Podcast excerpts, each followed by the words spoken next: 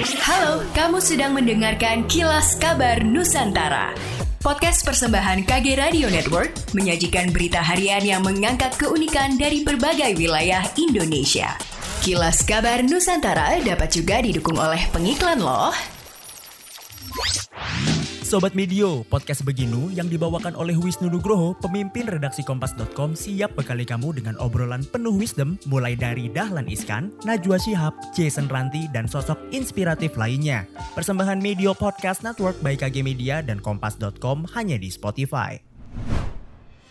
Ketua Perkumpulan Pengusaha Pedagang Perbatasan Kabupaten Sambas atau P4KS Erwin Saputra menyatakan, jika pemerintah daerah dan pusat ingin meningkatkan kualitas pembangunan ekonomi dan pendapatan masyarakat perbatasan dan menggerakkan sektor real di daerah perbatasan, maka ada beberapa cara yang harus ditempuh. Pertama katanya, buka ruang lebar terkait perizinan dan peraturan perdagangan perbatasan yang sama dengan Batam dan Singapura, sehingga pertumbuhan ekonomi di Batam jauh berkembang melampaui daerah-daerah lain di Indonesia. Kedua, ia meminta kepada pemerintah provinsi dan pusat untuk merealisasikan janji dan target pendapatan asli daerah atau PAD dari izin lalu lintas barang di perbatasan yang secara potensi mencapai lebih dari belasan miliar per tahunnya. Tak hanya sampai di situ sahabat Sonora, Erwin juga meminta pemerintah provinsi dan pusat untuk memperhatikan sumber-sumber pendapatan asli daerah di perbatasan dengan melengkapi sumber daya manusia yang kompeten.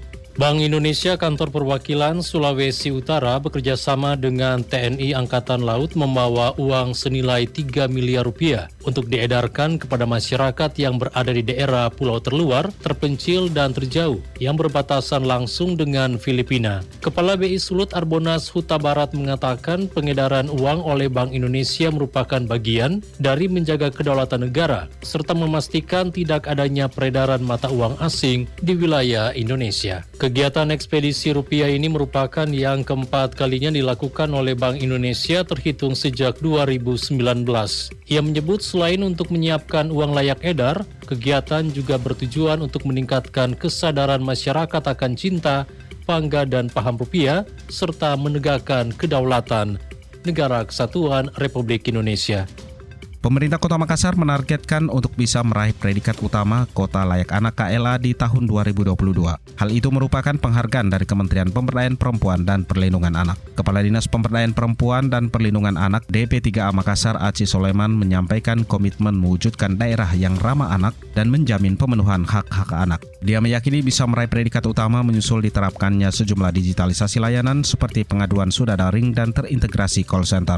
Selain itu didukung beragam inovasi untuk menunjukkan kemajuan Makassar dalam membuat sistem perlindungan anak. Dia mencontohkan dari Dinas Catatan Sipil saat ini dihadirkan program yang dinamakan Kutsatatki. Manfaatnya telah dirasakan untuk identitas anak dipergunakan di sekolah dan keperluan lainnya. Sementara di sektor pendidikan pihaknya mendorong sekolah ramah anak. Apresiasi datang dari tim verifikasi lantaran Makassar dianggap terus berbenah. Selain itu, standar layanan ramah anak di sektor kesehatan juga dinilai baik. Kepala Dinas Pemberdayaan Perempuan dan Perlindungan Anak DP3 Makassar, Aci Soleman menambahkan sejumlah hasil penilaian verifikasi lapangan untuk Kota Layak Anak 2022, di mana banyak praktik baik yang dilakukan oleh Makassar dan bisa diadopsi oleh daerah lain dalam pemenuhan hak dan perlindungan anak. Demikianlah kilas kabar Nusantara pagi ini.